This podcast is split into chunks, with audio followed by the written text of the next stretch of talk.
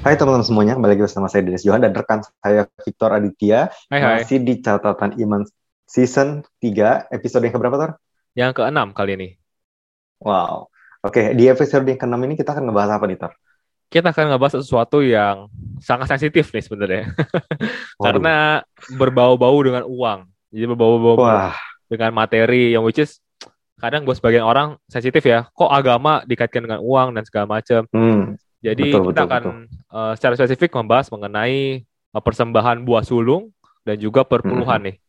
Which is sebenarnya mungkin buat orang Kristen sudah familiar, uh, Mhm. sudah tahu juga mungkin doktrinnya, tapi kita akan lebih ngebahas mengenai sebenarnya apa sih itu dan sebenarnya masih berlaku apa enggak sih sebenarnya hukumnya itu tersebut gitu. Dan apa yang Wow. gue lihat lately uh, ini jadi perdebatan yang tidak ada artinya sih dari kan dari gue zaman dulu sampai sekarang masih perdebatan sampai dengan sekarang gitu. hmm, hmm. Eh, nah, pertama mungkin kita akan bahas mengenai persembahan buah sulung dulu nih.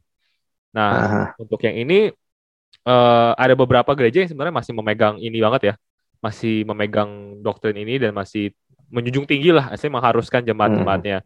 Nah, jadi eh, salah satunya kita akan dengarkan sebuah video singkat dulu ya dari Mhm. salah satu pendeta yang besar di Indonesia yang masih eh, percaya akan persembahan buah sulung. Oke. Saudara, mari memasuki tahun 2012, muliakanlah Tuhan dengan hartamu. Dengan hasil pertama dari segala penghasilanmu, maka lumbung-lumbung akan diisi sampai penuh. Dan bejana pemerahanmu akan meluap dengan air buah anggurnya. Artinya, kalau saudara memuliakan Tuhan dengan harta saudara, dengan hasil pertama dari has- segala penghasilanmu, engkau akan diberkati berlimpah, limpah, limpah, limpah. Kalau percaya katakan amin. Saudara, tahun 2012, saudara harus mempersembahkan buah sulung. Buah sulung itu adalah penghasilan yang saudara dapatkan di bulan Januari. Ini bulan Februari. Persembahkan. Memang ada yang berpendapat buah sulung itu persepuluhan. Tapi bagi saya, persepuluhan itu kita berikan setiap bulan. Artinya kalau buah sulung bagi saya itu lebih daripada persepuluhan. Malah tadi dikatakan, hasil pertama dari segala penghasilanmu. Oke. Nah, itu eh, sedikit lah ya mengenai persembahan buah sulung Hmm. yang eh, diajarkan oleh satu pendeta di Indonesia. Nah, Hmm. mungkin kita bahas dulu ya secara definisi sebenarnya eh, persembahan buah sulung ini berasal dari mana sih maksudnya? Ya kalau persembahan buah sulung sih sebenarnya itu ada di zaman Levitical priesthood ya, keimaman Lewi yang ada di eh, zaman Musa ya, zaman Musa di perjanjian lama. Jadi memang benar apa yang kata, gue nggak bilang persembahan buah sulung benar, gue bilang eh, itu memang ada di Alkitab bahwa memang eh, di di, di Deuteronomy 26 ayat 10 dikatakan gue bacain ya. Hmm. Eh, and behold, now I bring the first of the fruit of the ground which you, O Lord, have given me.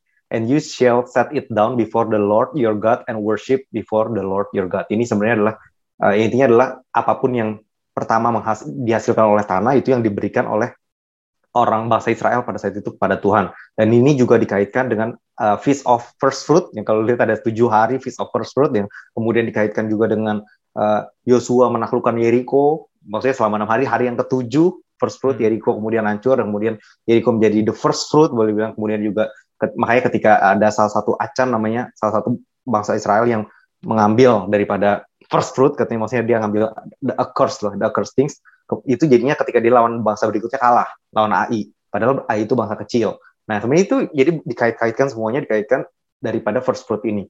Itu sih sebenarnya ini kalau ngomong soal background ya. Ya, ya, ya. Kalau menurut lu sendiri nih? Gimana tuh? Um, setuju sih bahwa sebenarnya perbuatan uh, persembahan buah sulung ini pertama kali diperkenalkan di perjanjian lama ya. Dan sebenarnya Mhm. kalau kita baca konteksnya itu ini sebenarnya sebagai tanda syukur bahwa Tuhan telah membawa bangsa Israel keluar daripada perbudakan, lalu Mhm. membawanya ke tanah Kanaan, uh, membawanya Mhm. ke, ke dalam tanah yang dikatakan di Alkitab kan penuh dengan susu dan madunya kan. Oleh karena Betul. itu Hmm. uh, apa yang bangsa Israel hasilkan dari tanah tersebut Ah. harus dipersembahkan juga kepada Tuhan karena kan Tuhan yang membawa mereka ke sana gitu kan. Betul. Itu Ah, kalau kita baca konteksnya lebih ke situ dan eh, ayatnya yang tadi sempat dibicarakan oleh pendeta Niko itu sebenarnya kita bisa kita bisa baca di Amsal 3 ayat 9 sampai 10 nih. Ini adalah Hmm. ayat-ayat yang paling suka dikutip oleh pendeta sih karena uh, penuh dengan berkat-berkat yang melimpah-limpah. Jadi gue bacakan aja. Di Amsal okay. 3 ayat 9 sampai 10 dibilang bahwa muliakanlah Tuhan dengan hartamu dan dengan hasil mm -hmm. pertama dari segala penghasilanmu. Maka lumbung-lumbungmu akan diisi penuh sampai melimpah-limpah dan bejana pemerahanmu akan meluap dengan air buah anggurnya. Jadi kayak hmm. hasil pertama dari segala penghasilanmu. Jadi ini uh, hmm. jelas sekali kan kesannya. Nah, hmm. Hmm. ini membawa pertanyaan kedua nih Dan. Uh, uh. Kalau menurut sendiri, kira-kira tapi semua sulung ini masih apply gak sih di perjanjian baru ataupun juga sampai ke sekarang gitu?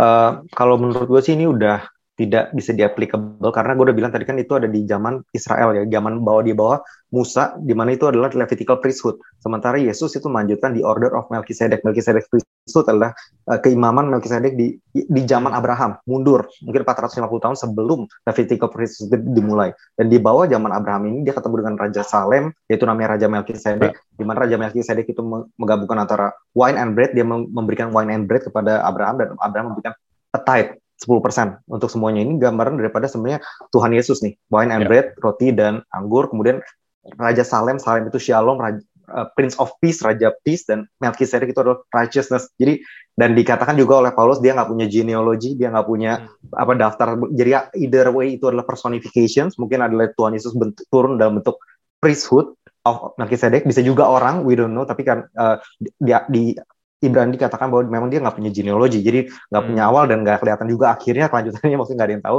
Jadi most likely dia adalah, eh, let's say dia adalah orang. Ini kalaupun dia orang, dia adalah gambaran daripada Tuhan Yesus ke depannya karena dikatakan so. bahwa di perjanjian baru dia melanjutkan di order of Melchizedek. Jadi sehebat itu loh dia sampai Tuhan Yesus melanjutkan uh, apa ya, keimamannya, keimaman si Melchizedek dan bahkan Abraham yang yang uh, patriark dia memberikan tithe ataupun 10%. Oleh karena itu gue udah bilang bahwa yang berlaku sampai sekarang adalah di order of Melchizedek lagi kita balik lagi ke zaman karena kalau kita balik lagi ke zaman Levitical priesthood artinya kita kita balik ke hukum Taurat. Yeah. dan lu harus lakuin semuanya untuk bisa diberkati. Lu nggak bisa lakuin cuman first fruit doang kalau menurut gua. Dan uh, itu hukum Taurat itu secara spesifik diberikan kepada bangsa Israel loh. Ini yang kita harus tahu. Seperti hukum circumcision maksudnya untuk sunat segala macam. Dan itu sempat mau dibawa oleh uh, murid-murid awal-awal ke orang lain. Dan kemudian akhirnya berdebat dengan Paulus dikatakan bahwa banyak orang juga apa menerima Roh Kudus tanpa perlu penyunatan, hukum Taurat segala macam. Jadi janganlah kita menimpakan yoke yang lebih daripada yang uh, their ancestor itu mampu tanggung. Jadi dia dia aja nggak sanggup tanggung dan dia berusaha nih balik lagi. Nah, tapi akhirnya setelah mereka berdebat apa segala macam, jangan gitu. Tuhan Yesus justru melepaskan mereka. Dia udah fulfill the law, hukum Taurat, Levitical priesthood jadi fulfill. Karena kalau kita ngomong Levitical priesthood itu semuanya ngomong soal Yesus. Yeah. Ada high priest di sana, ada tabernacle, itu semua gambar, ada Ark of the Covenant. Ini kan ngomong semuanya tentang Tuhan Yesus ya. Dan Tuhan Yesus kan udah ada di perjanjian baru, dikatakan juga di perjanjian baru, He is our first fruit. Gitu. Hmm. Dia adalah the firstborn, the first fruit. Daripada, jadi gambarannya adalah, dia adalah yang pertama, yang sulung, yang daripada yang mewakili uh, apa ya humanity ya, kemanusiaan betul. yang diberikan pada Tuhan kalau jadi kalau menurut gue masih applicable atau tidak no kalau menurut gue itu udah tidak diwajibkan ya dalam arti diwajibkan kalau mau ngasih ya itu ya keputusan lu sendiri. Cuman ya gue bilang diwajibkan nggak? No it's not true kalau gue menurut gue ya. Ini opini ya, ya gitu. Kalau menurut lu gimana Peter? Uh, betul sih dan uh, gue juga pas mempelajari hal ini gue juga menemui bahwa uh, kalau kita hmm. lihat uh, first fruit gitu ya di dalam perjanjian baru tuh uh. nggak lagi terkait dengan materi ya. Kalau mungkin perjanjian lama kan lebih ke arah hasil panen hasil kerja. Yeah penghasilan. Nah, hmm. Nah, kalau gereja baru tuh lebih ke arah hasil tanah. First fruit ini seperti orang-orang yang lahir baru gitu. Orang-orang yang lahir baru dalam Tuhan. Hmm. Salah contohnya gue uh, gue kasih di Yakobus 1 ayat 18 dibilang seperti ini. Hmm. Atas kehendaknya sendiri ia telah menjadikan kita oleh firman kebenaran supaya kita pada tingkat yang tertentu menjadi anak sulung di antar ciptaannya. Hmm. Nah, anak sulung ini hmm. sebenarnya hmm. kalau kita baca di bahasa aslinya itu adalah aparchen ataupun artinya first fruit juga gitu. Dan hmm. juga gue setuju banget yang lu bilang tadi Den yang lu bilang bahwa hmm. uh, sebenarnya persembahan sulung itu juga sudah digenapi oleh oleh Yesus gitu. Makanya tadi hmm. uh, yang lu sebutkan tadi itu ayatnya di 1 Korintus 15 ayat 20 dikatakan bahwa tetapi yang benar ialah bahwa Kristus telah dibangkitkan dari antara orang mati sebagai yang sulung dari orang-orang yang telah hmm. meninggal. Jadi menurut gua uh, memang sudah nggak ada dasar alkitabiah lagi sih buat kita sekarang ini hmm. uh, menggunakan persembahan buah sulung gitu. Nah, menurut gue ini, mm-hmm. tapi kenapa banyak gereja yang masih memakai ini? Sebenarnya menurut gue karena perbedaan teologi sih. Jadi pas gue pelajari mm. itu ada dua macam teologi mengenai hal ini. Ada yang percaya sama namanya replacement, uh, sorry, bukan, mm. ada dis, dispensational theology, yeah. ada juga replacement theology gitu. Replacement theology itu hmm. uh, dia percaya bahwa berkat Tuhan ataupun juga janji-janji Tuhan dan juga tradisi-tradisinya yang diberikan kepada hmm. Israel itu diteruskan oleh gereja-gerejanya, diteruskan hmm. oleh di perjanjian baru dan pada gereja-gerejanya. Jadi kayak kita pun hmm. sebenarnya masih masih mendapatkan uh, janji-janji Tuhan kepada bangsa Israel pada waktu itu. Dan hmm. ada juga yang kedua uh, dispensational itu artinya ya ya beda gitu. Janji Tuhan buat bangsa Israel di perjanjian lama ya itu buat bangsa Israel. Di perjanjian baru hmm. Tuhan punya janji yang lain dengan juga praktis-praktis yang berbeda juga gitu. Hmm. Nah kalau gue sih, uh, gue sih dan apa yang gue lihat di Alkitab sih sebenarnya lebih condong kepada yang kedua ya, dispensational hmm. ya. Cuman masih banyak sekali gereja-gereja yang masih semi-semi mengambil dari replacement gitu. Jadi bahkan kalau kita pernah bahas waktu itu mengenai uh, prosperity gospel itu termasuk replacement hmm. teologi kan, karena dia menganggap bahwa hmm. berkat-berkat Tuhan buat Salomo, buat Abraham masih turun, masih apply kepada orang kepada kita gitu, which is uh, gue percaya sih beda. Jadi dalam konteks ini sih mungkin uh, gue juga setuju sih bahwa persembahan musuh sudah tidak lagi apply, tapi bukan artinya Eh, nggak boleh, boleh-boleh aja kalau mau ngasih gitu. Gak ada yang salah hmm. dengan memberi. Memberi itu memang sudah perintah hmm. Tuhan, tapi jangan sampai itu hmm. jadi jadi sebuah keharusan ataupun jadi suatu hukum ya Dan di dalam gereja ya. Hmm. Hmm. Nah, sebelum kita masuk ke yang kedua, topik kedua mengenai perpuluhan, ada yang mau sampaikan nggak, Den? Uh, mungkin kalau soal pemberian ya, kalau pemberian ini juga kan dulu sempat kita bahas nih, ada teman gue juga nanya soal gereja juga penganut yang first, first fruit nih, jadi Januari seluruhnya dia harus kasih. Nah, cuman balik lagi dia juga butuh ada keperluan dan keperluan cukup mendesak, dia merasa bersalah segala macam. Ya balik lagi gue cuma bilang bahwa itu nggak ada di Alkitab, konteksnya itu udah di, di itu ngomong soal ada di Alkitab, tapi itu bukan untuk uh, perjanjian baru atau itu untuk Israel. Dan itu gambaran banyak dari perjanjian lama tuh sebenarnya nubuatan-nubuatan tentang Tuhan Yesus. Dan itu bukannya sesuatu yang maksudnya harus terus terus dilakukan. Sebenarnya. Contohnya temple sekarang udah nggak ada temple. Gimana? Maksudnya we are the temple gitu. Lu mau bangun lagi gitu.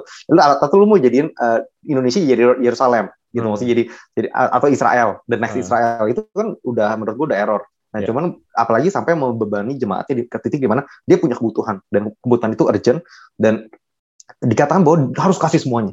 Nah gimana nih terutama bayangin kalau teman-teman ya punya keluarga yang jatuh sakit dan ada urgent urgency di mana dia butuh uang saat itu juga untuk operasi dan yeah. kemudian nggak ada pendeta teman-teman bilang lu harus kasih per, apa first fruit gitu terus masuk ulung Tuhan yang akan memberikan. Ini kan agak konyol gitu. Maksud gue, uh-huh. Tuhan memberikan kita logika dan wisdom juga ya, Betul. kebijaksanaan untuk kita tahu apa yang harus dilakukan uh, dan mana yang lebih benar untuk dilakukan. Itu jangan contohnya kayak orang-orang yang penuh dengan iman bilang kita nggak perlu pakai masker gitu. Keluar. Uh. Bahkan kita harus datengin orang ini konyol gitu. Yeah, yeah. Jadi kita nggak bisa menjadikan satu dua ayat kemudian kita apply ke seluruh apa ya kehidupan kita gitu. Kita harus lihat juga ada wisdom, ada logik juga dan di mana gue bilang lu kasih yang seikhlas lu kenapa? Karena di dunia ini uh, dikatakan juga di Alkitab bahwa uh, manusia menerima ini adalah pendeta dan para gereja menerima persembahan daripada secara fisik uang tapi di atas sana di surga sana Tuhan yang menerima persembahan kita dari hati. Dan kalau kita memberi tidak dari hati itu hanya hukum yang tadi kata lu bilang. Hmm. artinya secara fisik pendeta menerima ataupun gereja menerima uang kita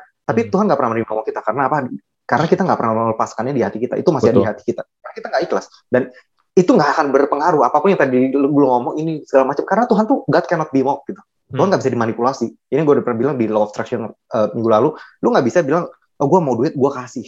Tujuannya adalah dapat. Ini namanya lu memanipulasi Tuhan dan Tuhan nggak bisa dimanipulasi. Apa pun yang kalian tabur itulah yang kalian tuai. Taburnya bukan hanya dalam bentuk fisik. Ini Betul. sering kali uh, pendeta itu prosperity gospel. Dia memikir dia bisa memanipulasi Tuhan dengan cara oh ya udah kita kasih dengan tujuan untuk memberi. Nah ini nggak bisa itu karena apa pun yang lu kasih yang Tuhan balas adalah apa yang kita, hati kita berikan dan Mother Teresa itu quotes dengan baik bahwa bukannya the giving but the heart behind the giving. Hmm. Tapi hati di balik pemberian itulah yang Tuhan lihat. Ini yang yeah. karena Tuhan nerima duitnya gitu. Jadi kalau lu bilang, gue udah kasih kok nggak ada hati lu kasih nggak? Ini yang jadi kuncinya adalah hati sih. Kalau itu kalau menurut gue, jadi jangan sampai itu balik lagi, jangan sampai itu menjadi sesuatu hukum yang membebani di mana uh, orang perjanjian baru juga bilang, oh apa orang di zaman mereka juga mereka nggak bisa nggak sanggup melakukan semua Levitical priesthood. Janganlah kita menaruh beban yang sama yang nggak sanggup dikerjakan oleh bahkan orang-orang di perjanjian lama pada saat itu. Gitu sih kalau menurut gua.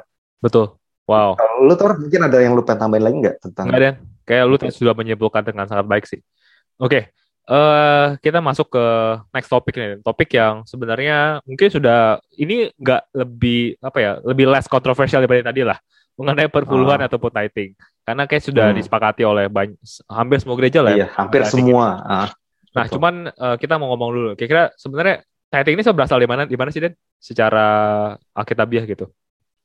Kalau secara kitabiah ya, kalau yang gue lihat sih dari zaman yang Abraham itu dan dari zaman perjanjian lama ini Abraham tuh ngomong soal di sebelum perjanjian Hmm. eh sebelum Levitical priesthood ya. Jadi kita harus agree dulu dan juga uh, Melkisedek itu juga apa Yesus juga melanjutkan order of Melkisedek dari Ya. sini dan kemudian dikatakan tadi gue bilang Melkisedek membawa anggur dan uh, roti, kemudian Abraham memberikan 10%. Dan dari situlah kemudian Yakub juga memberikan 10%.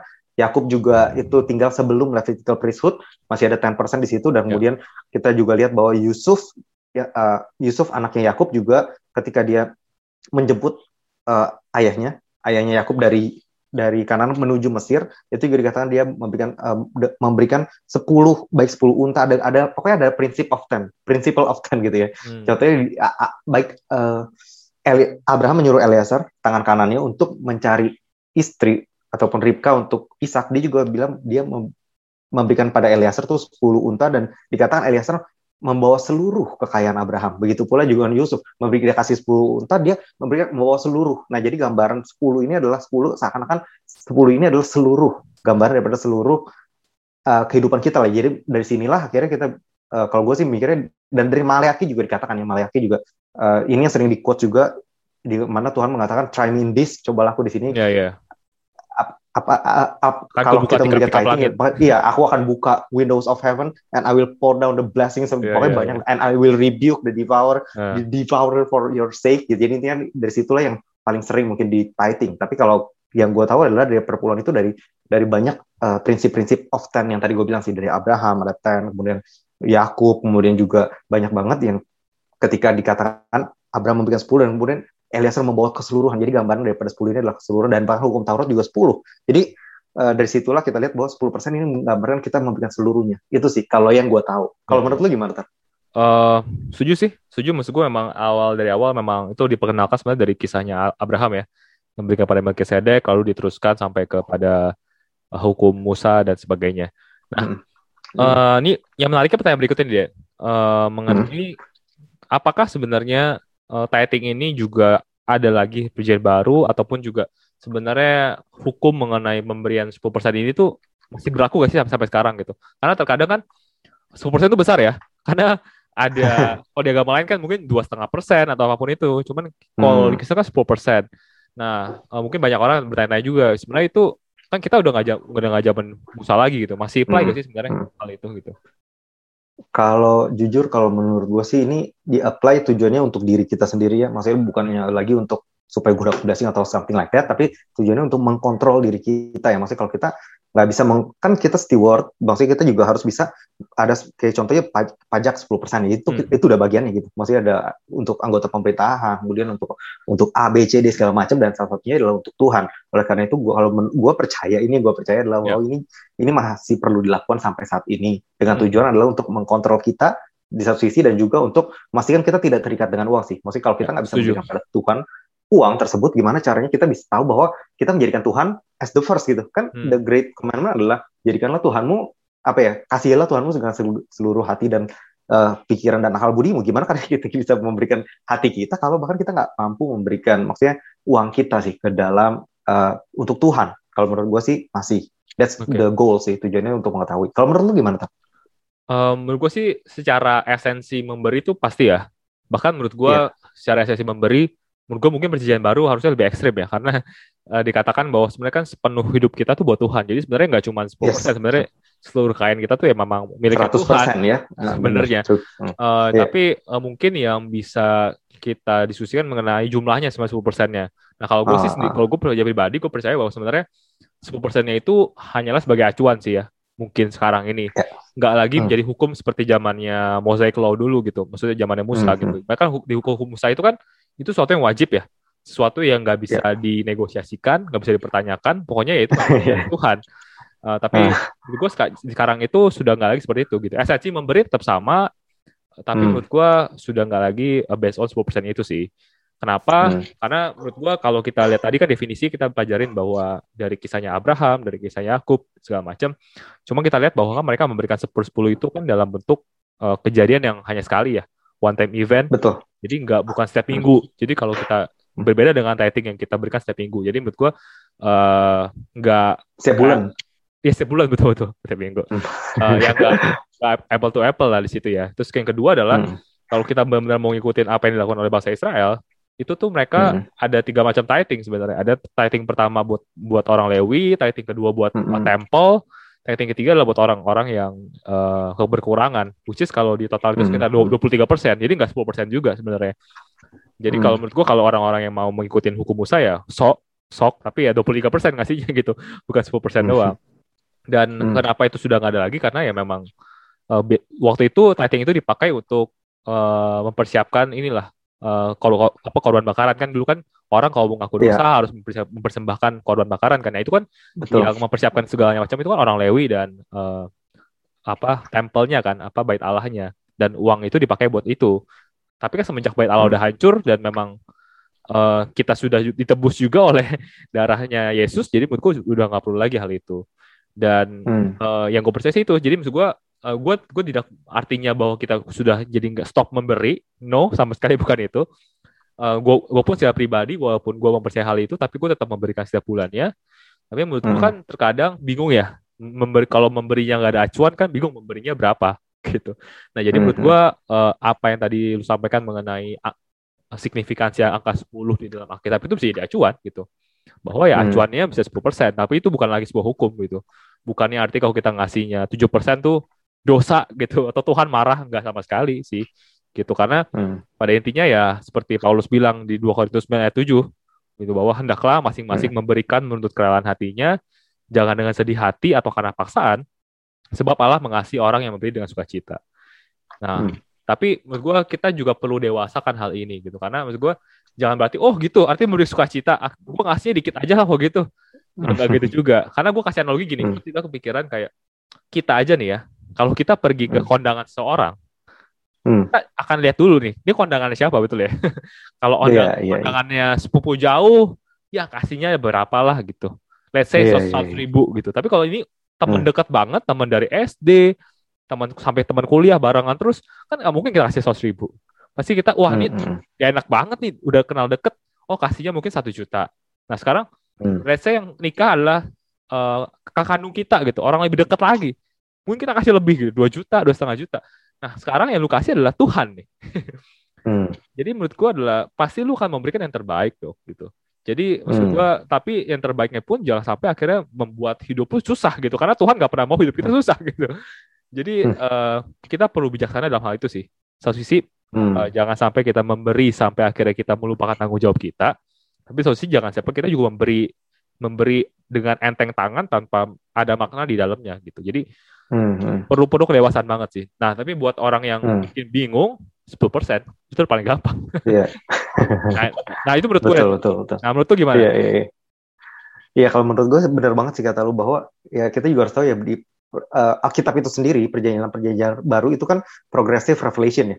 Maksudnya di perjanjian baru lama seakan-akan kita melihat Tuhan yang marah, Tuhan yang ngasih penyakit, ngasih ini, ngasih itu, suka perang, suruh ngebunuh, suruh ini. Di perjanjian baru kita lihat the, the real God ternyata nggak kayak gitu justru yeah. Tuhan lah yang selama ini berusaha hmm. memprevent hal tersebut dan Tuhan mau uh, kita mendapatkan berkat-berkatnya dia yang bahkan menyembuhkan dia hmm. dia adalah solusi lah boleh bilang dia bukan ya. masalah yeah. di perjanjian lama kita lihat bahwa Tuhan kayaknya demen perang ya demen demen pokoknya demen banget semuanya maksudnya yang enggak yang buru-buru yeah. dan kita juga harus ketika kita baca Alkitab itu namanya progressive progressive revelation yang terbaik yang mereka tahu di perjanjian lama ya that's the best they know gitu Hmm. Apakah itu real? Apakah semuanya itu dari the Lord ataupun Tuhan? Ya kan kita lihat dari perjanjian baru. Oleh karena itu Yesus bilang siapa pun yang melihat aku sudah melihat Bapa. Hmm. Dialah manifestasi the real daripada yeah. bahwa Tuhan tuh nggak pernah kasih penyakit. Dia yang menyembuhkan. Betul. Yang membawa penyakit itu adalah dosa dan si iblis. Dan ini ini kan progresif dan begitu pula dengan ketika kita memberikan pemberian sih. Maksudnya kita juga pertama kali yang kita ketika kita terima Tuhan, kita tahu oke okay, Tuhan mengasihi kita Tuhan apalagi nih kita kan butuh uh, pengenalan lebih akan Tuhan contohnya ketika uh, kita kita pernah disembuhkan Tuhan oh, maka kita punya pengenalan bahwa dia adalah Yehova Rafa dia adalah Tuhan yang menyembuhkan atau hmm. kita punya pengenalan dia adalah Tuhan yang mencukupkan. Nah, semakin kita bertumbuh progressive revelation ya, maka kita akan memberi nggak lagi berdasarkan 10%, 1%, 2%, bahkan ada kayak contohnya Rick Warren dia memberikan 90% lebih. Ya. Bayangin, maksud gue tuh ini udah udah bukan hukum, karena kalau ini jadi hukum miskin semua Cuman nyatanya adalah dia semakin dia berdekat berjalan dengan Tuhan, dia semakin tahu sifat-sifat Tuhan, cara-cara Tuhan bekerja, dan dia makin percaya. Nah, yes. semakin dia percaya, makin besar dia punya uh, kapasitas untuk memberi.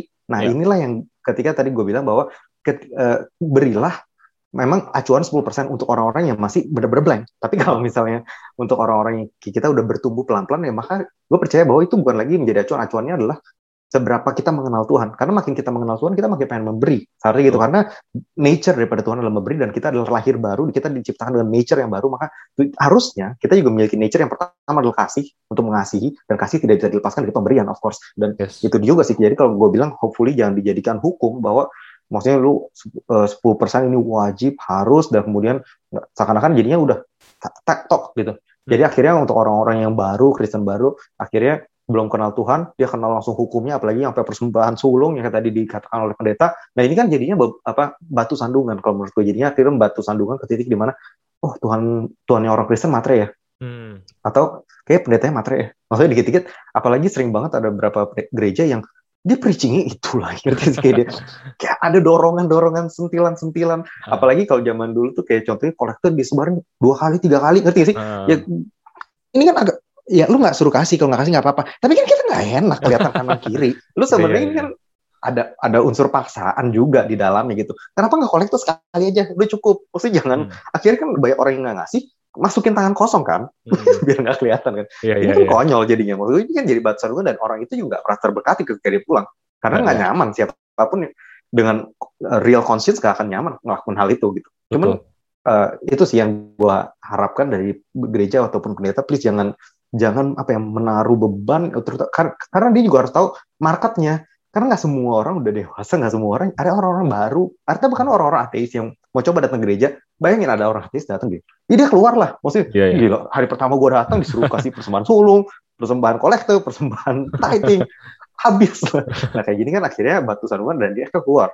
Dan yeah. sementara tujuan daripada gereja kan meraih dulu hatinya. Hmm. biarlah progressive revelation tersebut yang akan memberikan dia dia pasti ber, mengasihi kok maksud kalau itu bagian Roh Kudus lah untuk bekerja untuk seberapa dia mengenal Tuhan dan seberapa dia akan memberi sih. Cuman Betul. acuannya memang yang di Alkitab super saya gitu. Kalau menurut lu udah udah udah menurut gua is very good banget sih. Maksud gua semakin lu kenal Tuhan pasti lu nggak mungkin nggak tidak memberi gitu. Jadi it's yes. Jadi sebenarnya tujuan sebenarnya tujuannya ke situ sebenarnya. Semakin lu mengenal Tuhan pasti akan semakin lu memberi. Jadi eh, nggak uh, perlu di uh, malah jadi makin didorong-dorong dengan hal seperti itu malah jadi negatif ya. Oke, okay. uh, hmm, terakhir Den. Oke, okay, tadi yeah. kita udah bahas cukup dalam mengenai persembahan buah sulung dan perpuluhan. Nah, terakhir mungkin hmm. sedikit contoh kasus nih. Let's say misalkan ada orang-orang yang dia berkekurangan lah ya. Misalkan dia hmm. dalam hutang nih Den. Dalam hutang, hmm. gajinya gajinya apa dia dapat gaji pun bahkan nggak bisa menutupi hutangnya gitu. Nah, kira buat orang-orang hmm. seperti ini dia masih perlu gak sih untuk perpuluhan gitu? Maksudnya kadang ada orang yang bilang oh tetap dong karena biar taat gitu. Tapi ada soal, ada hmm. yang lain bilangnya oh nggak perlu itu kamu nggak bijaksana namanya. Nah menurut lu gimana melihat bijak versus taat ini?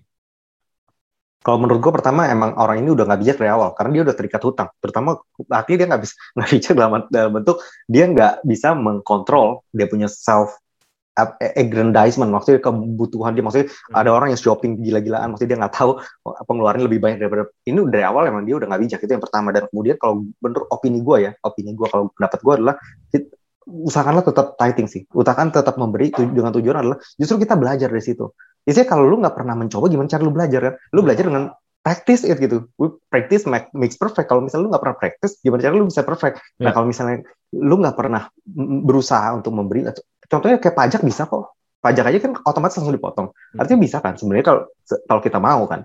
Nah yang jadi masalah adalah kalau dia sampai utang utangnya ini kenapa dulu dong? Maksudnya ada ada yang urgent case ada yang tidak urgent. Contohnya urgent case adalah untuk bantu saudara uh, ataupun keluarga kita yang operasi atau apa ini kan urgent. Maksudnya akhirnya kita eh udahlah kalau menurut gua untuk hal-hal yang urgent kayak gini yang harus memang butuh dana case urgent ya udah. Maksud gue tuh memang gak, kita tujuannya kan baik untuk mengasih untuk menyelamatkan nyawa dulu. Maksud gue tuh ya nggak sih? Ini adalah eh, special urgent case. Tapi untuk case-case yang biasa dalam arti kita kelilit utang karena kita nggak mampu mengendalikan nafsu kita maksudnya untuk belanja atau makan minum ya kalau menurut gue tetap harus memberikan. Memberikan tapi uh, gini loh maksudnya dengan tujuan juga adalah di Alkitab juga banyak janji Tuhan bahwa siapa pun yang memberi dia akan dia akan reap juga. Hmm. apa yang kamu tabur akan kamu uh, terima. Dan juga give and you shall receive. Kemudian give and it shall be given to you. Yeah. Press together, measure together. Makanya itu yeah. yang janji Tuhan. Jadi sebenarnya kalau di pikiran gue adalah justru dengan justru dengan memberi ini bisa menjadi titik di mana kita akhirnya bisa keluar daripada cycle of debt dan bukan cuma bukan cuma dari perspektif spiritual berkat Tuhan, tapi juga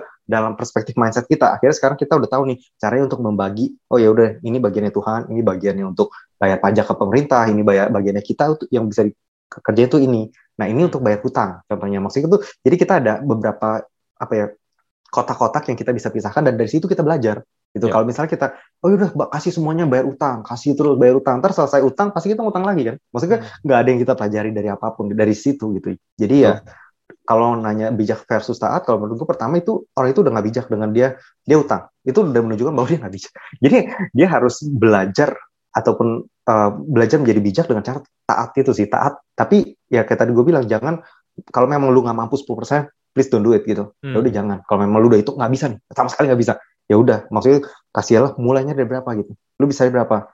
5%, 6%, go ahead gitu. Semakin utang lu berkurang, lu bisa makin menambahkan lu punya pemberian. Cuman ya gue udah bilang tapi kalau menurut gue tidak bijak juga kalau kita cuman fokusin ke hutang sih. Maksudnya kita nggak, ya udah yang lain dilupain gitu. Maksudnya ada baik pemberian kan pajak juga kita nggak lupain ya biarpun kita hmm. utang ya jadi itu aja sih kalau menurut gue yeah. gitu kalau menurut lo gimana tuh Uh, setuju sih, menurut gue juga sebenarnya uh, kalau gue sih, gue tetap ada sama setuju sih, tetap tetap memberikan uh, perpuluhan atau ataupun persembahan ya, walaupun juga mungkin bisa disesuaikan ya dengan kondisi yang ada gitu. Karena menurut gue hmm. kalau kita uh, mematokkan itu pada keadaan cukup atau tidak cukup, itu relatif banget ya. Maksud gue, um, buat ada ada orang-orang yang berkelimpahan juga tetap, tetap merasa nggak cukup gitu. Jadi kalau ukurannya cukup baru memberi, uh, itu relatif sekali. Jadi menurut gue dan sedangkan apa gue percaya bahwa ya kita kan di dunia ini kan manusia as a steward, kita mengelola pemberian Tuhan kan. Jadi kayak sekecil apa pun itu pemberian Tuhan tetap dari Tuhan gitu. Jadi menurut gue uh, dengan kita mem memberikan kepada Tuhan walaupun mungkin jumlahnya pada waktu kita misalkan terlihat hutang itu enggak seberapa, tapi itu gue mengaknowledge sih, mengaknowledge bahwa terlepas apa pun yang Tuhan berikan, gue tetap bersyukur hmm. gitu gue tetap hmm. bersyukur akan hal ini gue tetap gue, gue tetap mau memuliakan Tuhan melalui apa yang gue dapat walaupun mungkin belum seberapa nah menurut gue dengan hati yang motivasi seperti itu Tuhan pasti akan ngeliat kok gitu dan Tuhan pasti hmm. akan juga membantu gitu karena Tuhan kan bilang kan bahwa kepada yang dipercayakan apa kalau engkau bisa dipercayakan hal kecil akan diberikan hal besar jadi menurut gue kayak oh. ya kalau dari hal yang kalau dari hal kecil gini kita nggak setia apa buktinya hmm. gitu kalau kita dikasih satu miliar kita bakal setia gitu. Iya, yeah, Karena true, kan true. semakin kita kaya kan, kalau kita pakai acuan 10% ya, itu 10% yeah, yeah. makin gede loh. Mungkin kalau sejuta gede, yeah. cuma 100 ribu, 10 juta. 100 ribu lah ya. Udah mulai sejuta loh. 100 1 M. Deg-degan. Iya. Waduh. Udah mak makin makin tinggi nih. Tensinya makin tinggi. iya, jadi kayak uh, kalau yeah. dari hal kecil kita nggak bisa setia, gimana hal besar kita bisa setia. Jadi menurut gua tetap taat sih tetap taat hmm. uh, lepas apa pun kondisinya tapi jangan jangan pakai hmm. motivasi bahwa gue ngasih supaya Tuhan lunasin hutang gue gitu ataupun supaya hmm. Tuhan harus balas berkali-kali lipat itu namanya motivasi yang salah yang lu bilang tadi itu sih hmm. jadi uh, pada intinya itu sih dan menurut gue uh, hal-hal yang uh, sering kali muncul pertanyaan gitu ya uh, terakhir hmm. sebelum tutup ada yang mau sampaikan nggak uh, mungkin yang pengen gue tambahin dikit ya itu sih mas gue tuh untuk orang-orang yang uh, baik para pendeta karena gue juga kemarin kan uh, ketika kita membahas ini ya gue sempat dengerin satu pendeta ini juga parah banget. Mas gue kayak intinya adalah dia gue gue cuma kesaking parah gue cuma mampu mendengarkan setengah. Karena dia tuh gila itu condemnation banget condemning banget. Maksudnya penghakiman doang. Ada first fruit ada tithing. Tithing itu ini adalah yang salah dia bilang adalah tithing itu 10% kan. Bukannya 10%, 10% yang dari yang terakhir. First fruit ini 10% dari yang pertama. Jadi ada 20%. Jadi, belum lagi persembahan lainnya dan dia bilang uh, first fruit itu harus dikasih ke Tuhan. Pokoknya dan sekarang lu udah tahu itu, artinya lu berdosa kalau lu nggak lakuin. lu lu bener lu melawan Tuhan. Jadi kayak wah gila maksud gue tuh ini pendeta macam apa ya maksud gue tuh Yesus kayak nggak pernah datang ke orang terus suruh perpuluhan gitu ya uh. ini ngomong perpuluhan aja iya, boro-boro yeah, first fruit gitu kayak uh. ini pendeta lu sekarang udah accountable katanya. Untuk semua orang yang mendengar ini, lu udah accountable. Karena lu udah tahu Kalau lu nggak tahu, lu nggak akan tobel. Akhirnya dalam hati gue, mending kalau gitu mendingan orang Kristen nggak usah baca Alkitab ya. Jadi nggak ada tahu ya. Ini iya makanya ini kan kacau banget kan untuk ajaran-ajaran yang pokoknya kondem nih menghakiman ini menurut gue sih udah pertama dia tidak merepresentasikan Kristen, di kedua dia tidak merepresentasikan Tuhan. Betul. Karena kalau dia ngomong kayak gitu, pertama adalah orang yang berada di sebelah kayu salib Tuhan Yesus, dia nggak pernah perpuluhan, nggak pernah persembahan, bahkan dia nggak pernah melakukan satupun perbuatan baik dan dia masuk surga. Ini kita harus tahu ya. Jadi yeah. jangan pernah percaya ada orang-orang bilang, lu kok nggak ngasih, lu nggak masuk surga, lu nggak, maksud gue itu ini adalah Ministry of Condemnation sih. Maksud gue tuh ini balik lagi hukum Taurat yeah. dan kita nggak lagi berada di hukum Taurat, kita berada di grace kasih karunia di mana dia kasih karunia akan memampukan kita untuk hmm. melakukan apa yang benar di mata Tuhan termasuk dalam hal memberi. Jadi kita juga mau fokusnya kepada building the relationship. Semakin kita building the relationship, makanya tadi gue bilang based on revelation kita makin tahu kedua, makin tahu kan Tuhan, maka kita akan makin mau memberi. Bukan Tujuh. kita memberi karena itu hukum. Itu ya. sih. Kalau kalau yang gue bilang dan kalau ada orang yang ngomong gitu, mohon maafkan mereka dan uh, move on. Dan kalau itu adalah pendeta lu, maka kalau ini gue gak ngomongin pendeta Niko ya, yeah. tapi gue ngomongin pendeta yang lain, gue bilang kalau memang lu terus menerus dipaksa, lu harus lakuin ini atau enggak lu berdosa lu namanya, mending lu pindah. Karena ini ini nggak bagus juga sih, karena lu mem, akhirnya mempicture atau membayangkan Tuhan kayak gitu gitu, Tuhan yeah. yang demanding, Tuhan yang minta terus gitu, minta minta akhirnya Tuhannya jadi mata duit gitu. Ini yang kalau menurut gue sih gitu aja. Kalau lu tar ada yang lu pengen tambahin nggak? Nggak ada sih Dan, kayak udah cukup uh, udah cukup padat yang tadi lu sampaikan dan sangat-sangat baik sih.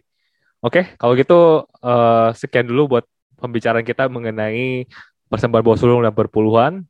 Buat teman-teman yang lain yang punya mungkin topik-topik lain yang menarik ataupun topik-topik lain yang minta kita bahas, bisa langsung aja direct message kita di uh, Instagram kita di @cetanima.id ataupun di gua di @victoritia atau Denis di @denis_johan Denis, Denis, ya Den?